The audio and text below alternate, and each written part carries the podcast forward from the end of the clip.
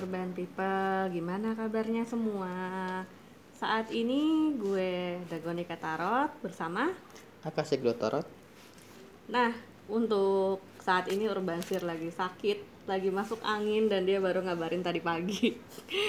Jadi kita udah di rumah narasumber tanpa Urban Sir. Tapi di kesempatan lain bakal bertiga lagi kok ya. Ya, Terus sekarang itu rumah siapa nih?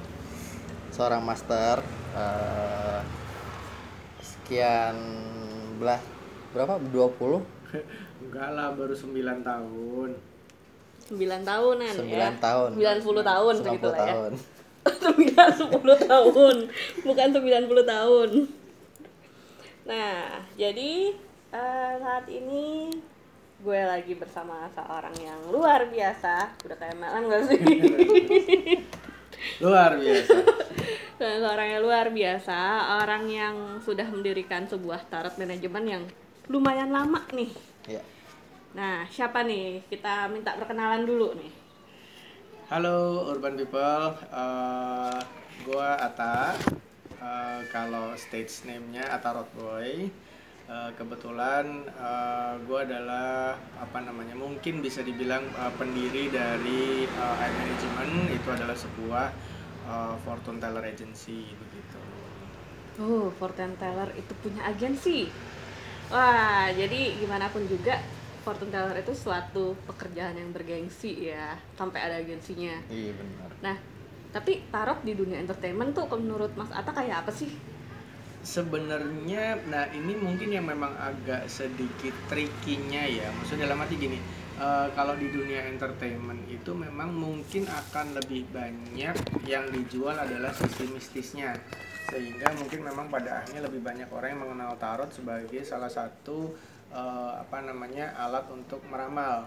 Padahal mungkin maksudnya kalau dari kami sendiri ya memang sebenarnya itu lebih ke arah ke apa namanya media untuk membantu kita untuk bisa lebih memotivasi Konsultasi ya, ya? konsultasi betul sekali. Jadi uh, prosesnya apa namanya ada ada perbedaan antara entertainment yang di media visual ataupun uh, entertainment yang kami lakukan. Jadi kalau misalnya memang di media visual karena apa fungsinya memang untuk me- apa namanya menarik minat masyarakat untuk menonton tentu saja yang ditonjolkan adalah dari sisi mistisnya. Cuman yang selama ini kami lakukan ya sisi entertainmentnya lebih ke arah kami memberikan motivasi yang positif kemudian kami mencoba mengurangi apa namanya mengurangi kalimat-kalimat atau bacaan-bacaan yang membuat klien khawatir dan lain sebagainya gitu sih. Tapi kalau misalnya untuk dari sisi dunia entertainment sebenarnya juga minatnya masih banyak cuman mungkin memang pada akhirnya ada beberapa perbedaan sudut pandang yang apa namanya yang terjadi antara dari pihak media visual dengan yang kami lakukan dari eye management itu sendiri begitu. Karena kan kalau kita tahu ya di film-film kayaknya tarot itu serem. Udah gitu udah gitu eh, gaya-gaya dark gypsy yang kayaknya ngelihat aja orang takut gitu. Iya. Nah, itu menurut Mas Ata gimana tuh? Nah ya itu dia maksudnya itu itu juga salah satu PR dari kami yang ketika misalnya eh, cuman memang gini kalau kalau di TV memang harus dijual seperti itu karena Dijual itu, ya. itu yang Itu memang menarik ya. betul Ha, tapi ketika point. memang misalnya let's say ada event organizer ataupun penyelenggara acara yang nanya gitu kan mas bisa ngisi buat tarot nggak bisa tapi boleh nggak nanti eh, kostumnya yang warna-warni atau yang lucu-lucu jadi biar kesannya nggak serem. Iya memang harapan kami memang begitu. Jadi kalau misalnya kita di event ya eh, kostum yang kami pakai pun akan lebih ya maksudnya mungkin sama-sama gypsy tapi tidak sedark ataupun tidak segotik ataupun tidak seseram yang kalau di TV-TV walaupun mungkin memang ada beberapa kalau memang konsepnya eh, dark juga kita kostum menyesuaikan. Tapi selama ini sih yang kami sering lakukan kalau misalnya ngisi di event-event sih konsepnya kostumnya pun yang lebih ke fun yang lebih ke cheer yang lebih ke apa ya eh, seru dan warna-warni gitu sih colorful gitulah seperti itu Jadi jauh dari kesan seram ya. betul Nggak nakutin. benar benar karena harapannya kalau misalnya orang udah takut duluan juga mereka nggak bakal bisa cerita apa-apa kan sementara kalau kalau dari kita kan emang tarot itu fungsinya sesinya konseling jadi ya klien harus cerita dulu nih background storiesnya apa jangan sampai misalnya ada orang nanya mas aku mau non- eh, mau nanya dong eh, soal asmara gitu kan terus kemudian kita yang sotoy wah ini kamu bakalan dapat eh, cowok baru bla bla bla sedangkan sebetulnya dia lah saya udah nikah mas sudah tiga tahun nah kan repot juga terus ini Iya, gimana iya, tuh? nah iya, kayak iya, gitu iya. makanya sesi konseling itu juga maksudnya background story juga kita perlukan untuk Benar. eh, mengetahui bagaimana kondisi orang seperti itu iya iya Oke, jadi nggak asal tebak-tebak buah manggis ya. betul betul Nanti ketahuan nipu gitu. Nah, itu dia. Enggak, ya, ya gitulah gitu maksudnya. Eh, si, en- sisi entertainment tapi kan maksudnya ya, ya jangan segitunya Jangan segitunya lah. juga gitu. gitu ya. Heeh.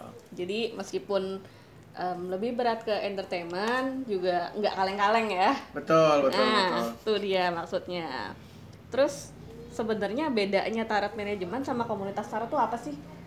Eh, mungkin kalau menurut versi aku sih bedanya kalau komunitas kan memang mewadahi teman-teman yang teman-teman apa namanya mewadahi teman-teman untuk berkembang bersama. Sementara kalau dari aku sih fungsi manajemen lebih ke menyalurkan eh, apa namanya mungkin bakat mereka atau kemampuan mereka untuk lebih ke spesifik ke jobnya sih pekerjaannya. Jadi manajemen ini memang dibangun untuk me- apa namanya mewadahi teman-teman yang memang nanti eh, dicari ataupun kita apa namanya kita sebar untuk lebih ke jobnya, lebih ke pekerjaannya, lebih ke apa proses event dan lain sebagainya gitu. Kalau di komunitas sih mungkin lebih ke ya kayak kita belajar bareng segala macam gitu-gitu sih bedanya sih mungkin menurut versi aku seperti itu. Jadi sering kali orangnya ya dia lagi dia lagi ya dari teman-teman komunitas di manajemen juga ya. Nah, terus selain itu boleh nggak nih kita pengen tahu tentang I manajemen itu berdirinya kapan, kegiatannya apa aja, apa tarot doang, apa gimana? Oke, jadi eh, iManagement ini sih berdirinya tahun 2012. Sebenarnya memang waktu itu juga eh, berdirinya juga kecelakaan. Maksudnya dalam arti gini. Jadi waktu itu aku dapat apa namanya dapat kesempatan untuk isi di salah satu mall di Jakarta Selatan yang memang ternyata space-nya cukup banyak dan aku pikir aku nggak bisa handle sendirian. Kemudian aku mengajak teman-teman dari komunitas untuk ikut join bersama gitu. Terus aku pikir uh, kenapa nggak sekalian dijadiin manajemen? Dalam arti gini ya udahlah biar gue yang ngurus gitu kan. Nanti soal job gue yang nyariin nanti teman-teman kalau misalnya ada pekerjaan ada job ya gue bisa bantuin share ke mereka seperti itu. Jadi awalnya sih seperti itu. Visi, visi misinya sih sebenarnya sama hampir sama dengan komunitas tarot yang lain juga bahwa kita pengen memperkenalkan tarot dari sisi yang uh, entertainment dan sisi konselingnya jadi biar orang itu tidak menganggap bahwa tarot itu mistik, klinik, goib dan sebagainya. Nah, sementara kalau eye management sendiri memang karena fokusnya juga ke fortune telling ya, jadi tidak spesifik ke tarot aja. Jadi kita juga ada palm reading, face reading, kemudian uh, handwriting analysis, grafologi segala macem, terus ada numerologi juga gitu terus ada pakai crystal ball ada tea reading ada apa namanya uh, banyak deh macamnya gitu jadi uh, lebih ke media divinasi kali ya Divinasi sebutannya lain ya. itu. Nah, jadi eye management ini nggak cuma tarot doang, ada juga yang lain-lain kayak crystal ball dan segala macamnya ya. Seru banget ya sih. Nah, kalau di eye management secara khusus ya, ada peraturan khusus nggak sih di manajemen ini? Sebenarnya sih kalau peraturan khusus sih nggak ada. Maksudnya uh, satu-satunya peraturan yang aku terapkan ke uh, ke teman-teman sih cuman satu sih ketika memang kita dalam event ya uh, apa namanya tidak menyebar kontak pribadi ke klien. Biarlah nanti manajemen yang urus gitu. Dalam arti uh, nam- nama dan nomor handphone yang tertera adalah manajemen gitu. Jadi aku harapannya teman-teman jadi artis aja lah kasarnya kita nanti yang ngurus segala macam. Cuman di lapangan ya masih banyak teman-teman yang ngerasa lah kan dia yang minta kan dia ngotot. Ya maksud aku itu ya bedanya antara orang yang sudah siap jadi artis sama yang yang belum yang masih mikir receh bahwa nanti apa namanya eh, manajemen mencuri apa klien segala macam. Yang enggak juga ibarat kata lah kan kita yang nyiapin kolamnya nih. Maksudnya gue nyari lu event nih lu tinggal dateng ya sat- satu-satunya syarat ya cuma satu doang. Nggak boleh nyebar kontak pribadi. Tapi mungkin kadang ada beberapa reader yang eh, apa namanya mencoba nggak ngasih nomor handphone kok tapi kita udah tukeran IG ya sama aja malih maksudnya kan ya, kontak itu kan dalam arti kayak ya semua sosmed, Sosial apa media. kemudian eh, nomor handphone itu biar nanti manajemen yang eh, handle harapanku adalah ketika misalnya let's say ada klien nanya mas atau mbak kalau aku mau konsul lagi bisa. Oh bisa nanti hubungin aja manajemen. Nah dengan menyebut nama manajemen secara prestis pun harga kamu juga udah mulai naik. Karena wah keren nih eh, tarotnya udah ada manajemennya. Berarti kan kasarnya barang kata wah udah udah levelnya udah beda dong sama tarot trader yang lain gitu. Nah itu harapan aku seperti itu. Cuman mungkin masih banyak teman-teman yang belum paham sampai sejauh sana. Gitu sih. Nah, jadi udah jelas kan peraturannya sebenarnya cuma satu dan tentu aja juga bersikap yang profesional profesional ya. Jadi kerja ya kerja gimana pun betul juga betul kita tetap butuh profesionalitas di pekerjaan apa pun ya enggak? Eh, gini mas mau nanya eh, selama ini sih gimana caranya sih eh, menyikapi gesekan dengan manajemen sebelah pasti ada perbandingan dong dengan eh, dari klien Klien eh, ngebanding-bandingin. eh, ngebanding-bandingin Oke. gimana cara menyikapinya sebenarnya sih aku merasa tidak pernah punya gesekan ya. Maksudnya kalau aku pribadi ya, aku tidak pernah merasa karena aku pun juga eh, selalu bekerja sama, selalu berusaha untuk berkolaborasi dengan teman-teman yang lain. Cuman mungkin memang eh, karena ada perbedaan visi, misi, sudut pandang dan sebagainya, ada beberapa yang itu di mungkin bisa dibilang apa namanya gesekan lah gitu. Terus eh, kalau misalnya dibandingin ya buat aku ya nggak apa-apa karena maksudnya dengan adanya kompetisi ya kita kan harapannya juga bisa akan semakin lebih baik ya seperti itu. Dan apa namanya beberapa beberapa klien yang kayak oh mas kalau di manajemen ini eh, mereka berani ngasih harga sekian bla bla bla. Ya aku ya sudah kalau begitu ya monggo ke sebelah. Maksudnya eh, aku juga tidak maksudnya aku percaya bahwa ya rezeki juga nggak bakal tertukar kok. Kalau misalnya itu rezekinya eh, teman-teman di manajemen sebelah ya monggo. Kalau misalnya kalian percaya sama kami ya alhamdulillah ya ya aku sih tidak akan terus kayak oh kalau di manajemen ini kita bisa dapat harga segini loh gitu. Aku ya terus aku juga tidak akan menurunkan harga. Yang menurut aku ya karena aku juga jualnya kualitas ya ya di harga kami ya kebetulan segitu. Mungkin kita bisa turunkan seperti harga mereka tapi eh, jumlah harinya nambah. Jadi ya mau tidak mau tetap budgetnya juga pasti akan lebih Iya. gede lagi gitu. Jadi itu yang biasanya aku eh, apa namanya aku tawarkan. Atau kalau nggak oke dengan dengan jumlah yang sama seperti mereka tapi jamnya dikurangi misalnya. Jadi kalau misalnya eh, mas ini kita cuma ada budget 5 juta misalnya gitu kan di manajemen sebelah udah mau nih gitu kan eh, apa 5 juta untuk satu hari event gitu. Aku bilang oke kita mau dengan harga yang sama 5 juta tapi tiga jam doang misalnya seperti itu. Jadi aku juga tidak ngeberatin ke talentku gitu kan. Terus kemudian juga apa namanya Uh, aku pikir juga mereka dapat harga yang pantas lah gitu. Kalau misalnya karena seharian kan kasihan si readernya juga kan gitu kan. Bisa pasti habis itu pulang tepar terus diinfus kan. Biayanya lebih dari 5 juta gitu. Makanya aku pikir kalau gesekan sih aku berharap sih tidak ada gesekan sama sekali dengan manajemen lain. Cuman mungkin karena perbedaan visi dan misi aja sih. Kalau misalnya dibandingkan ya aku pikir itu haknya klien juga. Cuman buat aku ya ya sudah. Kalau misalnya kamu nyari mau nyari yang murah ya monggo tapi kalau misalnya kamu mau nyari yang kualitas ya silahkan ke kami gitu aja sih Iya, singkat padat jelas ya. to the point To the point. Benar. Terus em, boleh dong kita tahu tentang jatuh bangunnya I manajemen tuh gimana? seperti apa Atau ada hal yang memorable selama di I manajemen? Eh, kalau jatuh bangun ya pasti ada ya. Maksudnya karena kalau dari manajemen sendiri kan memang eh, talentnya kita lebih banyak freelance ya. Maksudnya aku tidak mau mengikat teman-teman harus sama manajemen enggak. Cuman maksudnya apa namanya eh, ya aku berharap kalau misalnya nanti ada job ya pasti aku bagi. Kalau enggak ya apa namanya nanti aku coba cariin gitu. Cuman emang ada beberapa yang mem- apa namanya pada akhirnya eh, mereka juga mungkin ada beberapa teman-teman yang karena ngerasa uh enak ya kayaknya jadi Ata bikin manajemen nggak kerja. Terus apa namanya da- potongannya banyak misalnya seperti itu gitu kan. Terus yaudahlah eh, mereka bikin manajemen sendiri-sendiri. Ya aku sih ikut seneng gitu. Cuman eh, mereka mungkin ibarat kata kalau sudah ngerasain bagaimana susahnya kamu dealing sama vendor terus butuh proses yang lama harus bikin invoice harus bikin quotation belum nanti nunggu duitnya cair juga nggak kadang nggak sesuai di hari eventnya. Nah itu yang teman-teman yang sudah ngerasain sendiri bikin manajemen juga kayak oh ternyata pusing juga ya bikin manajemen iya memang pusing apalagi kita ngomong soal orang ya maksudnya eh, kasarannya ngatur orang itu nggak gampang kan karena setiap orang pasti punya kemauan sendiri-sendiri gitu. Nah kalau yang memorable sih kalau waktu, waktu itu sih seingat aku ada sekitar tahun 2015 kalau nggak salah ya. Kebetulan sih alhamdulillah manajemen dipercaya oleh beberapa event dan hotel gitu kan itu kayak maraton gitu dari bulan Januari eh sorry dari bulan Desember sampai bulan uh, Februari gitu. Tiga bulan dur itu nggak nggak putus eventnya terus bulan Maret aku tipes sama DBD gitu kan. Uh, Diborong. diborong gitu. Jadi kalau dari sisi pemasukan let's say dari tiga bulan itu mungkin aku dapat ya hampir sekitar 150-an lah.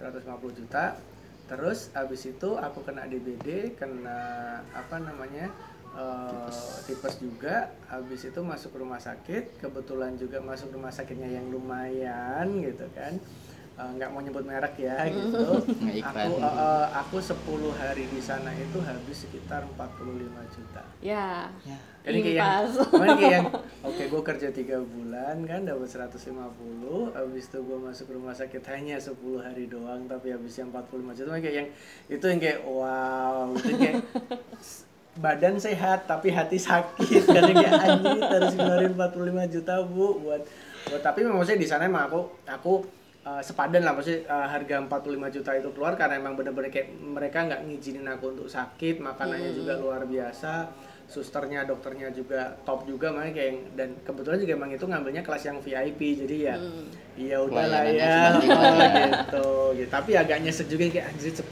hari ya keluar 45 juta kan berarti kan sehari kan 4 juta 500 Iya. kan kayak yang lumayan nyesek juga kayaknya gue sehari waktu itu dapat eventnya nggak segede ini deh gitu. tapi ya ya maksudnya semuanya pasti ada alasan makanya kayak sekarang oke deh kalau yang sekarang eventnya aku nggak mau terlalu forsir kan gitu daripada nanti itu deh kayak yang tiga bulan put apa nggak putus habis itu tepar kan repot juga Iya. gitu Jadi pesannya adalah jagalah kesehatan jagalah kesehatan.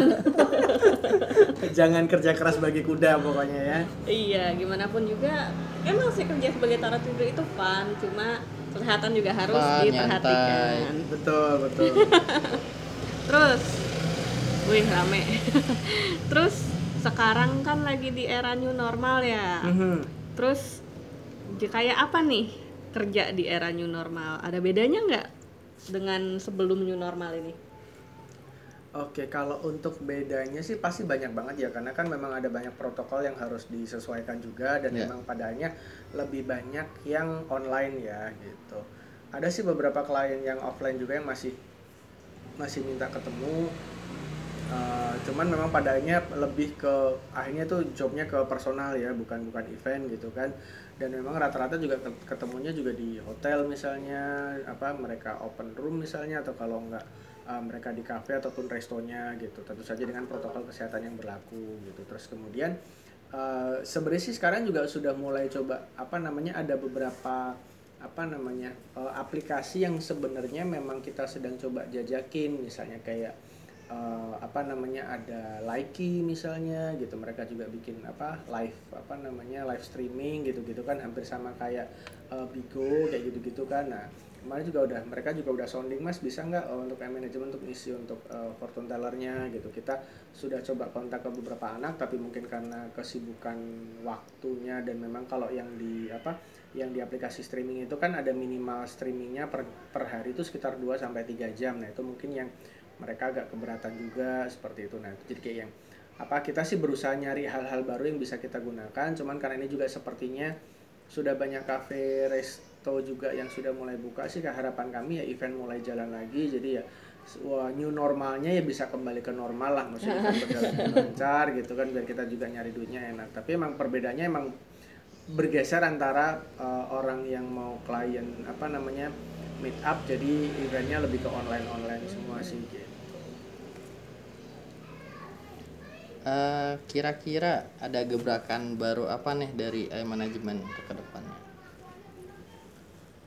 Kalau gebrakan sih sebenarnya ini juga maksudnya apa ya ini ini eh vis apa namanya impian lama yang memang belum kesampaian kesampaian ya maksudnya kita sih harapannya bisa bisa provide eh, tarot itu hampir ke semua tempat gitu kan tapi memang eh, tidak semua tempat itu punya kebijaksanaan yang sama. Nah, cuman memang kita agak sedikit merubah eh, apa namanya prosesnya. Jadi kalau kalau dulu kita biasanya izin untuk bekerja sama di kafe atau di resto untuk bisa reguler ngisi taruh di sana. Nah, sekarang kita ubah konsepnya menjadi kita hanya minta izin untuk bisa bawa klien ke sana. Jadi aku aku pikir eh, kafe juga tidak perlu memberikan promosi yang besar-besaran juga tapi yang pasti kita hanya minta izin kalau misalnya gue mau buka taruh di sini boleh nggak? Gitu. Nanti gue misalnya tag tempatnya gue ajak klien-klien ke sini. Nah biasanya itu lebih akan lebih apa namanya lebih lebih mudah untuk nyari izinnya dibandingkan kita harus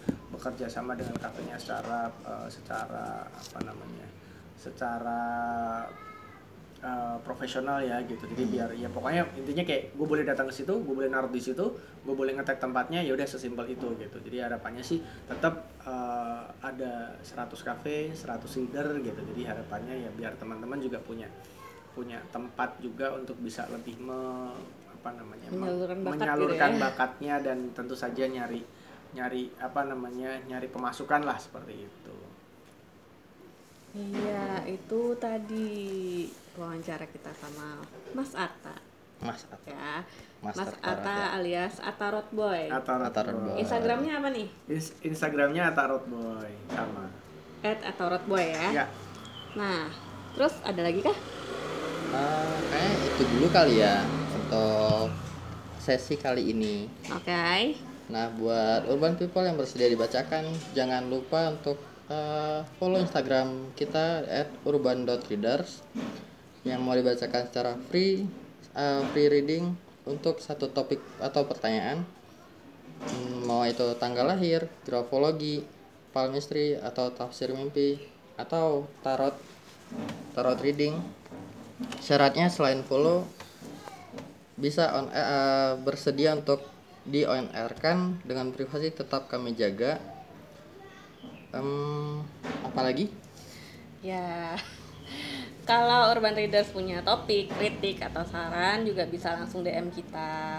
Atau kalau ingin belajar tarot juga bisa. Ya. Iya, jadi bisa DM ke kita aja, tapi untuk saat ini cuma di Jabodetabek. Semoga di masa depan bisa lebih banyak kota yang terjangkau ya.